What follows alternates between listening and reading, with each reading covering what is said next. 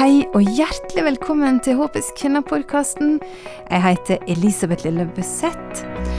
Og i dag så har jeg med meg Marie Lindland. Velkommen, Marie. Tusen takk. Så kjekt å ha deg med her i dag. Fortell litt hvem du er, og litt om deg sjøl.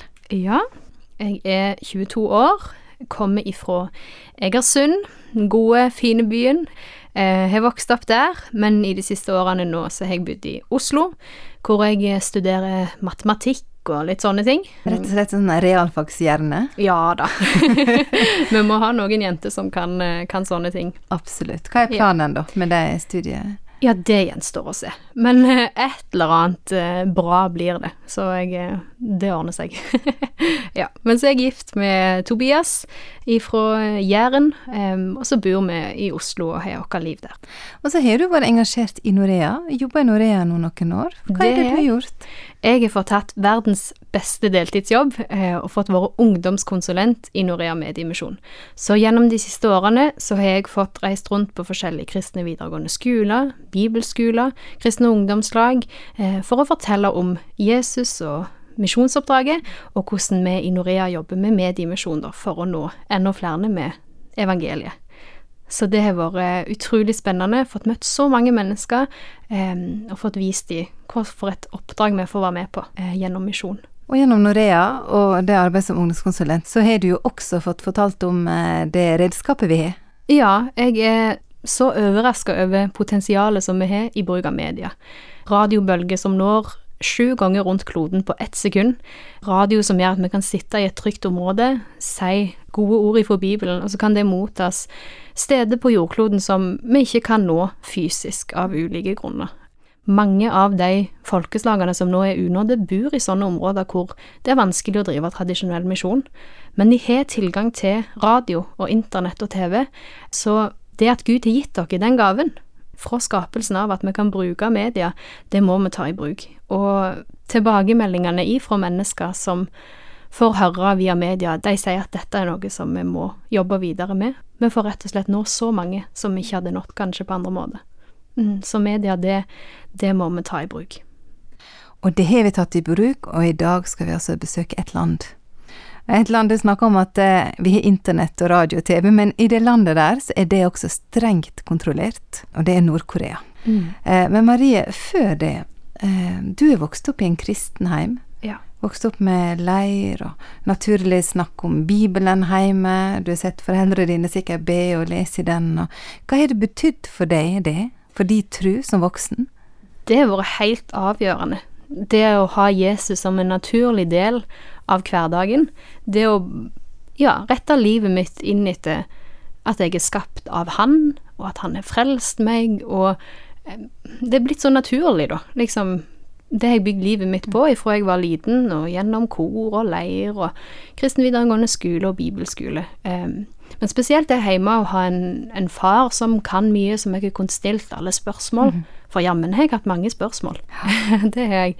Um, og bare bli møtt med omsorg og få, få vite at Gud han ser meg, Gud bryr seg om meg, og det kan jeg ha med meg livet ut. Så det at jeg har fått vokst opp med å ha Gud så naturlig med meg, og ingen sensur eller kontroll, men jeg har kunnet stilt alt mm. spørsmålene som jeg har, og uttrykt meg sånn som jeg vil, det har vært mm. helt avgjørende. Ja. Men det er jo ikke en, en, selvfølge for alle, og i hvert fall ikke dette landet som vi skal inn til nå. Mm. Ja, for jeg tenker på som mor også, at hvis ikke jeg hadde kunnet fått fortalt mine barn det mm. jeg tror på. Hvor skulle jeg da på en måte fått hørt? Ja, de får jo høre på barnelag og sånn, men hvis ikke de hadde det heller, hvordan kunne han fått lov til å høre? Og det er situasjonen i Nord-Korea, det mm. tar oss inn dit. Der det å fortelle om Jesus til barna dine er forbudt. Mm. Ja, det å være en kristen er forbudt. Og jeg må innrømme det, Marie, at jeg har hørt mye om Nord-Korea, og det meste er jo ikke så positivt. Nei. Eh, de nyhetsoverskriftene du får her i Norge, det er altså det, det er diktatur, det er tortur, det er arbeidsleirer, det er svolt, det er hungersnød. Ja, hjernevasking er et ord som ofte blir brukt om dette landet her. Det er jo ikke alltid hele bildet kommer fram i media, men det er for det vi hører. Og for et par år siden, Marie, så fikk du tilbud om å reise til Nord-Korea. Mm. Hva tenkte du da? Nei, da lo jeg. da tenkte jeg å herlighet, går det an? Sant? ja, om det fysisk er mulig ja, å er det, besøke. er det mulig å reise her? For jeg hadde jo det inntrykket som du nå beskriver. Sant? Disse ekstreme ordene. Liksom det verstingen av alle verstinger. Mest lukka landet. Verste land å være kristen i. Sant? Alt dette her. Um, og så fikk jeg da tilbud om å reise inn. Uh, og da var jeg litt redd, rett og slett. Er det trygt for meg, for jeg er jo kristen. Em, jobber i en kristen organisasjon og har skrevet litt ting på internett og sånn. Kan kan jeg reise inn her? Um, og hvis jeg kommer meg inn, hvordan er det? Og hvis jeg sier noe feil, hvis jeg ber kanskje, hva, hva skjer med meg? sant? Det var det jeg Ja, jeg var skikkelig redd, rett og slett. Men så eh, var vi flere, og vi fikk eh, vite at det går an. Det er mulig å reise her til. Det er et land som ønsker turisme. Så jeg tenkte ok, jeg har en ro for dette. Jeg opplever at Gud er med. Og jeg visste om at noen hadde reist der før. Så ok, la meg reise inn her.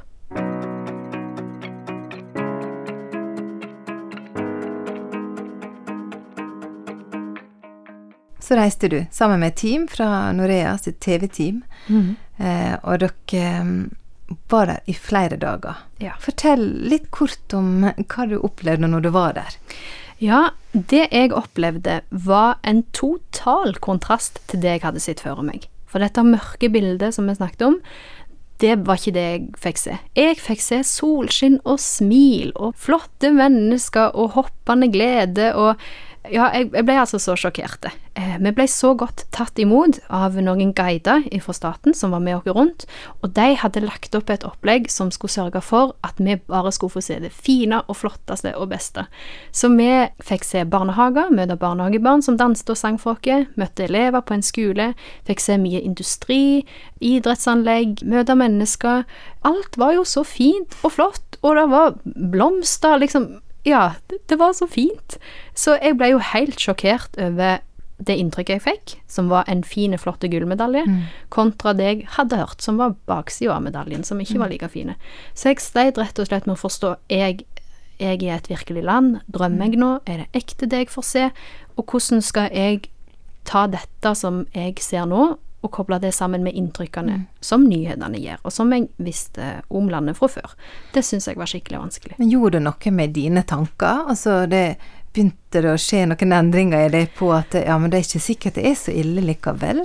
Ja, altså um, Folkene jeg møtte var jo så snille, og alt det de sa var så fint om landet, og de, de la fram sannheten på en måte som gjorde at Nord-Korea virka jo som paradis på jord. Det er et uttrykk de bruker om seg sjøl.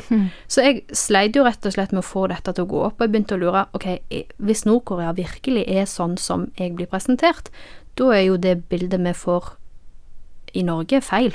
Fordi at dette er jo virkelig et fint land. Og hvis utdanningssystemet og alt eh, jobb og heim og de strukturene de har, er sånn som de hevder, så er dette virkelig paradis på jord. Og vi burde jo lære av dette landet. Ja. Så det, jeg var inne på de tankene, ja. Det var jeg. Absolutt. Jeg så en historie fra en avhopper, altså en som hadde flykta til um, tror han var til Sør-Korea. Og han fortalte at han huska fra Nord-Korea at det hadde vært en brann Han hadde sett et brann i et hus. Og han hadde hørt et barn, femårsalderen, gråte og rope om hjelp. Og ingen torde å springe inn av flammene. Og så så han pappaen som sprang inn og trossa flammene. Og kort tid etterpå så kom han ut igjen. Ikke med barn i armene, men to innramma bilder Mm. av den nåværende presidenten og den forrige. Mm.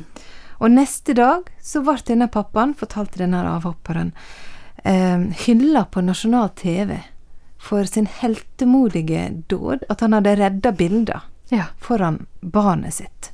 Og så han som fortalte dette her til oss i Norea, han sa det at eh, på det tidspunktet så hadde han nok gjort det samme. Og det sier litt om den mentaliteten. Denne her eh, Han kalte det sjøl hjernevaskinga som skjer i Nord-Korea. Hva tenker du om det? Fikk du se noe av denne her persontilbedelsen i, i praksis? Ja, eh, jeg fikk det. Eh, den historien du forteller, er jo hadde jo vært motsatt i de fleste land. Selvfølgelig hadde vi henta barna våre og latt bilder og sånne ting ligge igjen. Men i Nord-Korea så er det nok sånn som du forteller. Altså motsatt av det som ligger i vår intuisjon og i vår natur. Fordi at i dette landet så er lederne så opphøyd. Mm. Eh, der vi setter Gud, der har de Kim Jong-un. Mm. Eh, og spesielt disse bildene eh, er det mange krav til at de må booke foran dem og ha dem i husene sine og sånn. Em, så de er jo rett og slett lært opp til at presidentene, de er, de er Gud. Og de setter du øverst. Og um, de er barn av Gud, men guden er jo presidenten. Og Ja. deres jobb er å hylle han og gjøre sin del av eh, samfunnsarbeidet, sånn at landet skal se fint ut, og presidenten skal komme godt ut av det. Så det var jo så totalt annerledes, så jeg fikk et innblikk i det gjennom store statuer, og jeg så disse bildene i hvert et hus. Så skulle vi jo tenkt at eh, det var et valg de hadde, da, å hylle disse presidentene og redde disse bildene, men eh, jeg er ikke så sikker på det. Eh, for guidene vi hadde, sier jo at dette er et land med religionsfrihet og demokrati og sånne ting, Um, men det tror jeg ikke er sannheten. Eh, der er plass til én gud, og det er Kim Jong-un. Um, der er plass til ett parti, og det er hans parti. Em, så det med religionsfrihet og demokrati er noe de hevder at de har, men som jeg ikke tror at de har. For de har bygd opp landet på, som en stor maskin, egentlig, og for at eh, hvert menneske som er en del av denne maskinen, skal fungere akkurat sånn som staten ønsker, så må det være regler for eh, hvem de har lov å tro på, hva parti de lov å stemme på, hva de lov å mene. Um, og det kommer til uttrykk gjennom disse bildene, gjennom at de takker presidenten for at sola står opp, og og du som metter, det er presidenten de takker for, for maten, og alle disse her tingene. Så ja, virkelig annerledes ifra sånn som jeg kjenner til. Marie, du fortalte meg at det var egentlig først når du kom ut av Nord-Korea, og du fikk prate med noen som hjalp deg litt å debrife det du hadde opplevd, at du klarte på en måte å få på plass litt av det bildet. og Ja. Fortell litt om det. Ja, for denne det, det skurra jo i meg at alt var så fint og flott, og som jeg sa, så sleit jeg med å få de to virkelighetene til å passe sammen. Det jeg hadde hørt, kontra det som jeg så. Men da vi kom ut av landet, så var det litt som om jeg fikk puste skikkelig, og hjernen kom tilbake igjen, sånn at jeg kunne begynne å reflektere.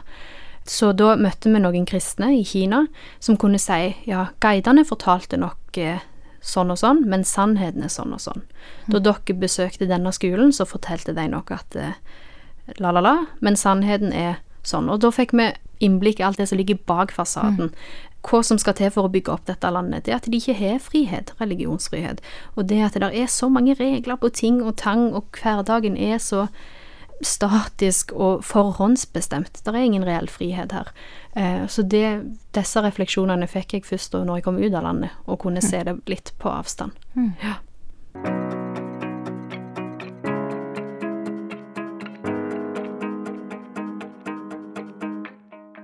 Marie, jeg har hørt at eh, Nord-Korea en gang var et kristent land. Hvordan er det i dag? Møtte du noen kristne, eller? Ja, er, det regnes å være noen prosenter kristne i Nord-Korea. Eh, historisk fordi at her var det kristne før landet ble delt. Men eh, de som er kristne i dag, har ikke lov til å, å si det. For i dette landet så er det ikke lov å være kristen. Eh, der er noen, men vi vet ikke hvor mange. Mest sannsynlig veldig, veldig veldig få, som gjør at nordkoreanerne regnes som et unådd folkeslag i dag. Em, vi kunne ikke treffe noen lokale kristne, for i dette landet så er det så farlig å være kristen. På hva måte da farlig? Ja, eh, for konsekvensene er så skremmende.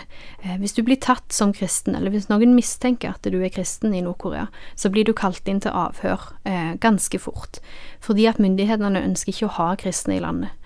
Og hva som skjer etter det kan variere litt, men blir du tatt som kristen, så er det veldig stor sannsynlighet for at du havner i fengsel, eh, og noen av disse fengslene kan være så forferdelige at de kan sammenlignes med arbeidsleirer. Mm. og det finnes i Nord-Korea i dag. Em, ja, så det å være kristen er ekstremt farlig, og det er veldig farlig å fortelle det til noen, fordi at eh, du er plikta til å si ifra hvis du kjenner noen som er kristne, sånn at de kan kalles inn til avhør. Eh, og det gjør at mødre, for eksempel som er kristne, ikke kan fortelle om Jesus til ungene sine, fordi at eh, de gjerne kan fortelle det til andre på skolen, eller si at eh, min mor hun har ei bok med gullsider som hun gjemmer og leser litt i. Hvis en lærer får vite det, så er det ikke lenge før politiet står på døra. Så um, der er kristne, de er veldig få, og de er litt eh, de stagnerer litt, for ikke er de lov å være kristne, ikke er de lov å ha en bibel, ikke er de lov å be, ikke har de lov å treffe andre for å eh, gå på møter. Med mindre det kommer noen utenfra og forteller om Jesus, eh, så ser jeg ikke stor framgang for kristendom i Nord-Korea. Hva tenker du da, hva er løsninga for at vi kan fortelle deg om Jesus? Det går an å, å drive humanitært arbeid i Nord-Korea, diakonalt arbeid. Mm. Og det er det flere kristne organisasjoner som gjør, at de hjelper å drive forskjellig industri, spesielt når det kommer til mat, dyrke eh, drivhus og plante tre og sånne ting, for det trengs. I dette mm. landet så er det, er det lite mat. Eh, men det å drive med evangelisering, det å fortelle evangeliet, det eh, ser jeg ikke mange løsninger på. For som turist så ble vi alltid overvåka, og vi vet at hadde vi snakket med noen om Jesus, så hadde vi satt dem i fare. Men si at jeg hadde klart å snakke med en person uten guider, uten at noen så det, så tror jeg fortsatt det hadde vært veldig, veldig vanskelig, fordi at de er så vranglærte. De har et mm. verdensbilde som er helt annerledes enn det vi har. De har hørt om Jesus, de vet jo at han er leder for kristendommen. Ja, ja, ja men han er en farlig person og leder ei farlig sekt, og hvite mennesker som vil fortelle deg om Jesus, de må du ikke høre på. De, de er forhåndsopplærte til å stå imot kristendom, så det er så mye som må vekk eh, for at vi skal kunne nå inn. Eh, vi trenger tid, vi trenger stillhet, og at de sitter alene, og det er vanskelig å få til, rett og slett eh, fysisk. Det er det. Ja, det er noe med at eh, det står i Bibelen at, eh, at vi jobber med sånn tankebygninger mm. over tid. Mm. Og kunnskap og ord er makt. Mm. Og det er jo der som vi har et redskap i mediemisjon, i medier, som er faktisk helt unikt, også inn mot Nord-Korea. Fortell. Ja, altså Radio er ikke den eneste, men en løsning som bare sprenger disse murene i fillebiter. Mm og bare viser oss at det er mulig å nå inn, fordi Gud har lagt til rette for bruk av media fra skapelsen av, og radio gjør at vi kan nå inn usensurert, ublokkert til nordkoreanere. Mm. Gjennom små lommeradioer så kan nordkoreanere få tuna inn på rett frekvens og få høre på koreansk bibellesing, eh, bønneprogram, sangprogram. Eh, de kan få retta nattverd gjennom radioen, så folk kan få bli med på. Mm. Men ikke bare det, de kan jo få høre nyheter fra utlandet. De kan få høre om eh, mat og kosthold og sånne tema i tillegg. Jeg har sjøl fått erfart hvor vanskelig det var å få med ting inn i landet. Da jeg reiste, så var det veldig strengt hva vi kunne ha med oss inn av spesielt mobiltelefon og kamera. Mm. De bildene vi tok, måtte de se gjennom hver dag, og sørge for at alt det vi hadde med oss ut ifra landet, skulle være noe som ga et rett bilde av mm. Nord-Korea. Og det var jo veldig vanskelig å få med ting inn. Så det er en vanskelig prosess, det med å, å smugle inn bibler, kristen litteratur og lommeradioer, men eh, det går. Mm. Eh, noen veldig modige mennesker trosser frykten og velger å gjøre det, og det eh, er jo noe som gjør at vi kan få nå inn, og at folk kan få tilgang på bibler og radio.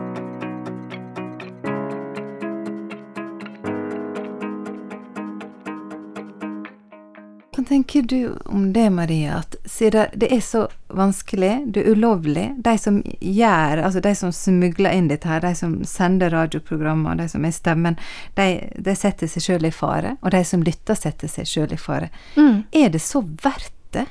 å gi dem Jesus? Altså, Har ikke de hatt det bedre bare uten å vite om dette her, og ha en sjanse til å vite?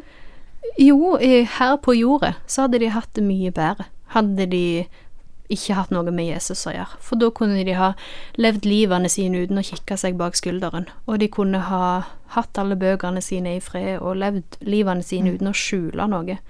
Men det at nordkoreanere velger å være kristen i hemmelighet, det vitner for meg om at det, det, vi tror på, er noe som er verdt å ofre alt annet for. At det budskapet de får høre om Jesus, det tenner et eller annet i dem, de får et nytt liv, rett og slett. De får nye perspektiv på sitt eget liv, på meningen med livet. De får et håp om hva som skjer etter døden, og at en dag så skal ting få bli bedre. Så budskapet formidla til deg viser at uh, Jesus kan forandre liv.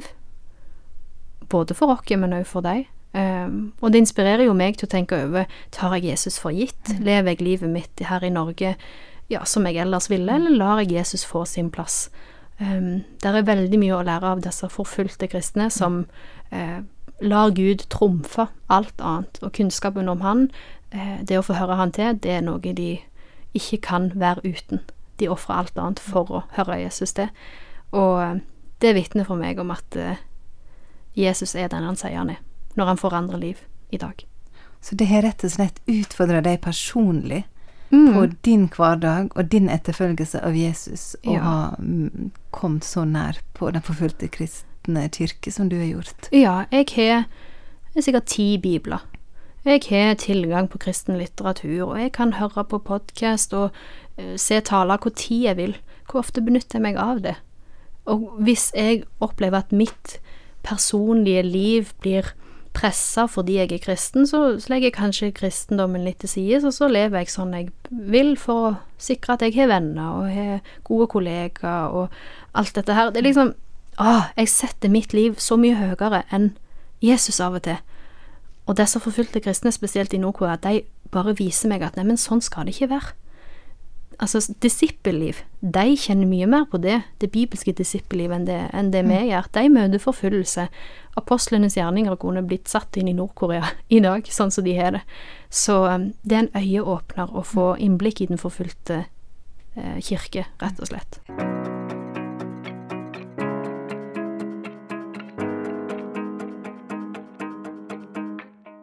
Du lytter til Håpets kvinner fra Norea Mediemisjon. I dag er det Nord-Korea som er tema, og det er Marie Lindland som er med meg i studio og snakker om det. Og jeg heter Elisabeth Lillebøseth, og jeg er koordinator for Håpets kvinner i Norea. Og vi har et program som heter Håpets kvinner, som er retta mot kvinner til Nord-Korea. Hva tenker du om å sende program for kvinner til Nord-Korea? Det er så viktig. Ja, det å få høre noe på radioen som er retta mot deg. Noen som kjenner din situasjon. Hvordan det er å være kvinne, og hvordan det er å være kvinne i Nord-Korea. For det er absolutt ikke sånn som det er å være kvinne i Norge.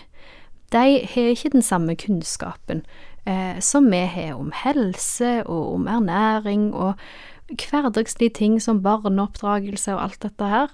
Em, så det at de kan få høre et radioprogram som kjenner deres situasjon, kjenner deres slit og lange arbeidsdager, det er så viktig.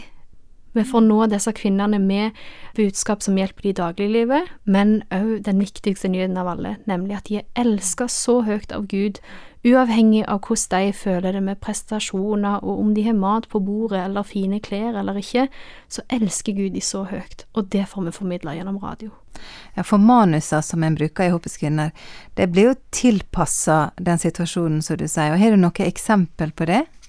Ja, et veldig konkret eksempel som de benytter seg av, er eksempel når de snakker om mat. Så vet de at matmangel, det, det rammer mange i Nord-Korea. Det var en stor hungersnød for mange år siden, og Nord-Korea er ikke selvforsynte på mat som de ønsker å være. Så hvordan kan ei kvinne lage sunn, næringsrik middag til seg og sin familie? De har ikke kjøtt, for eksempel, som, som vi bruker.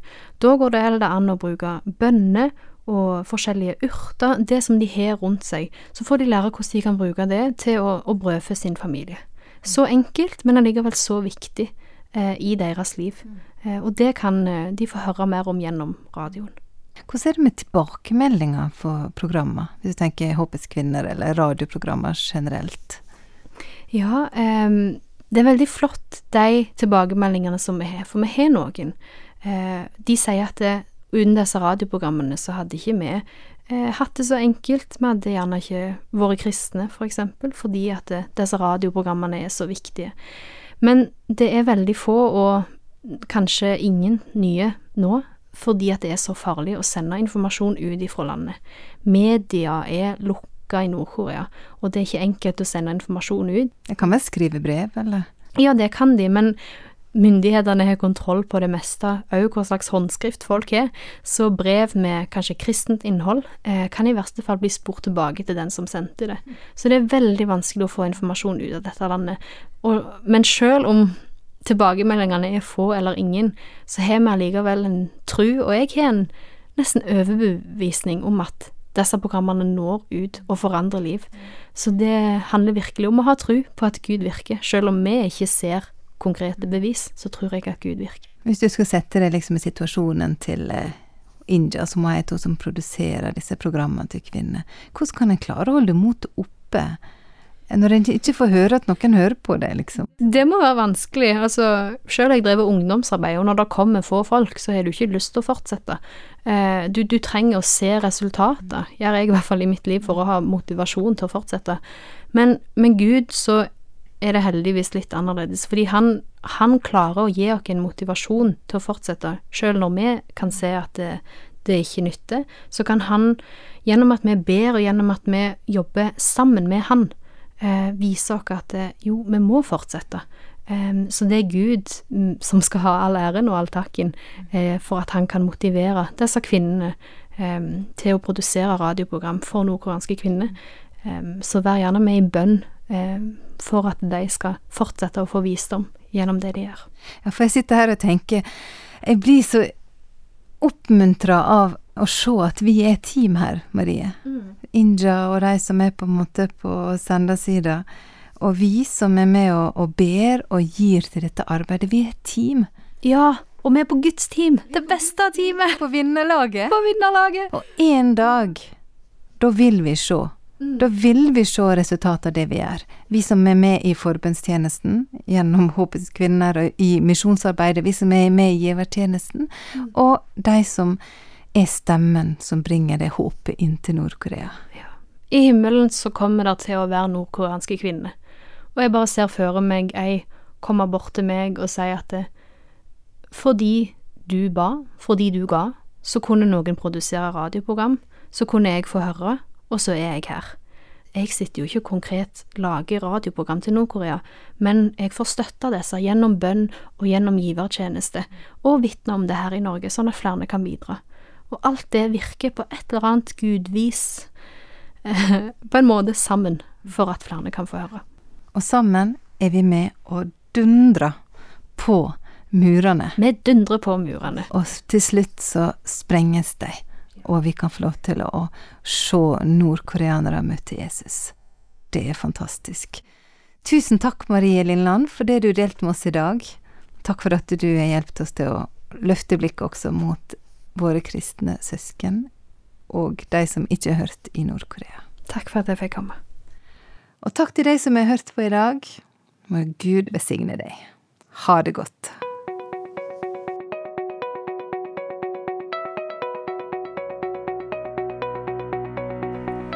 Du har lytta til programmet Håpets kvinne fra Norea Mediemisjon. Ønsker du informasjon om vårt arbeid, gå inn på norea.no.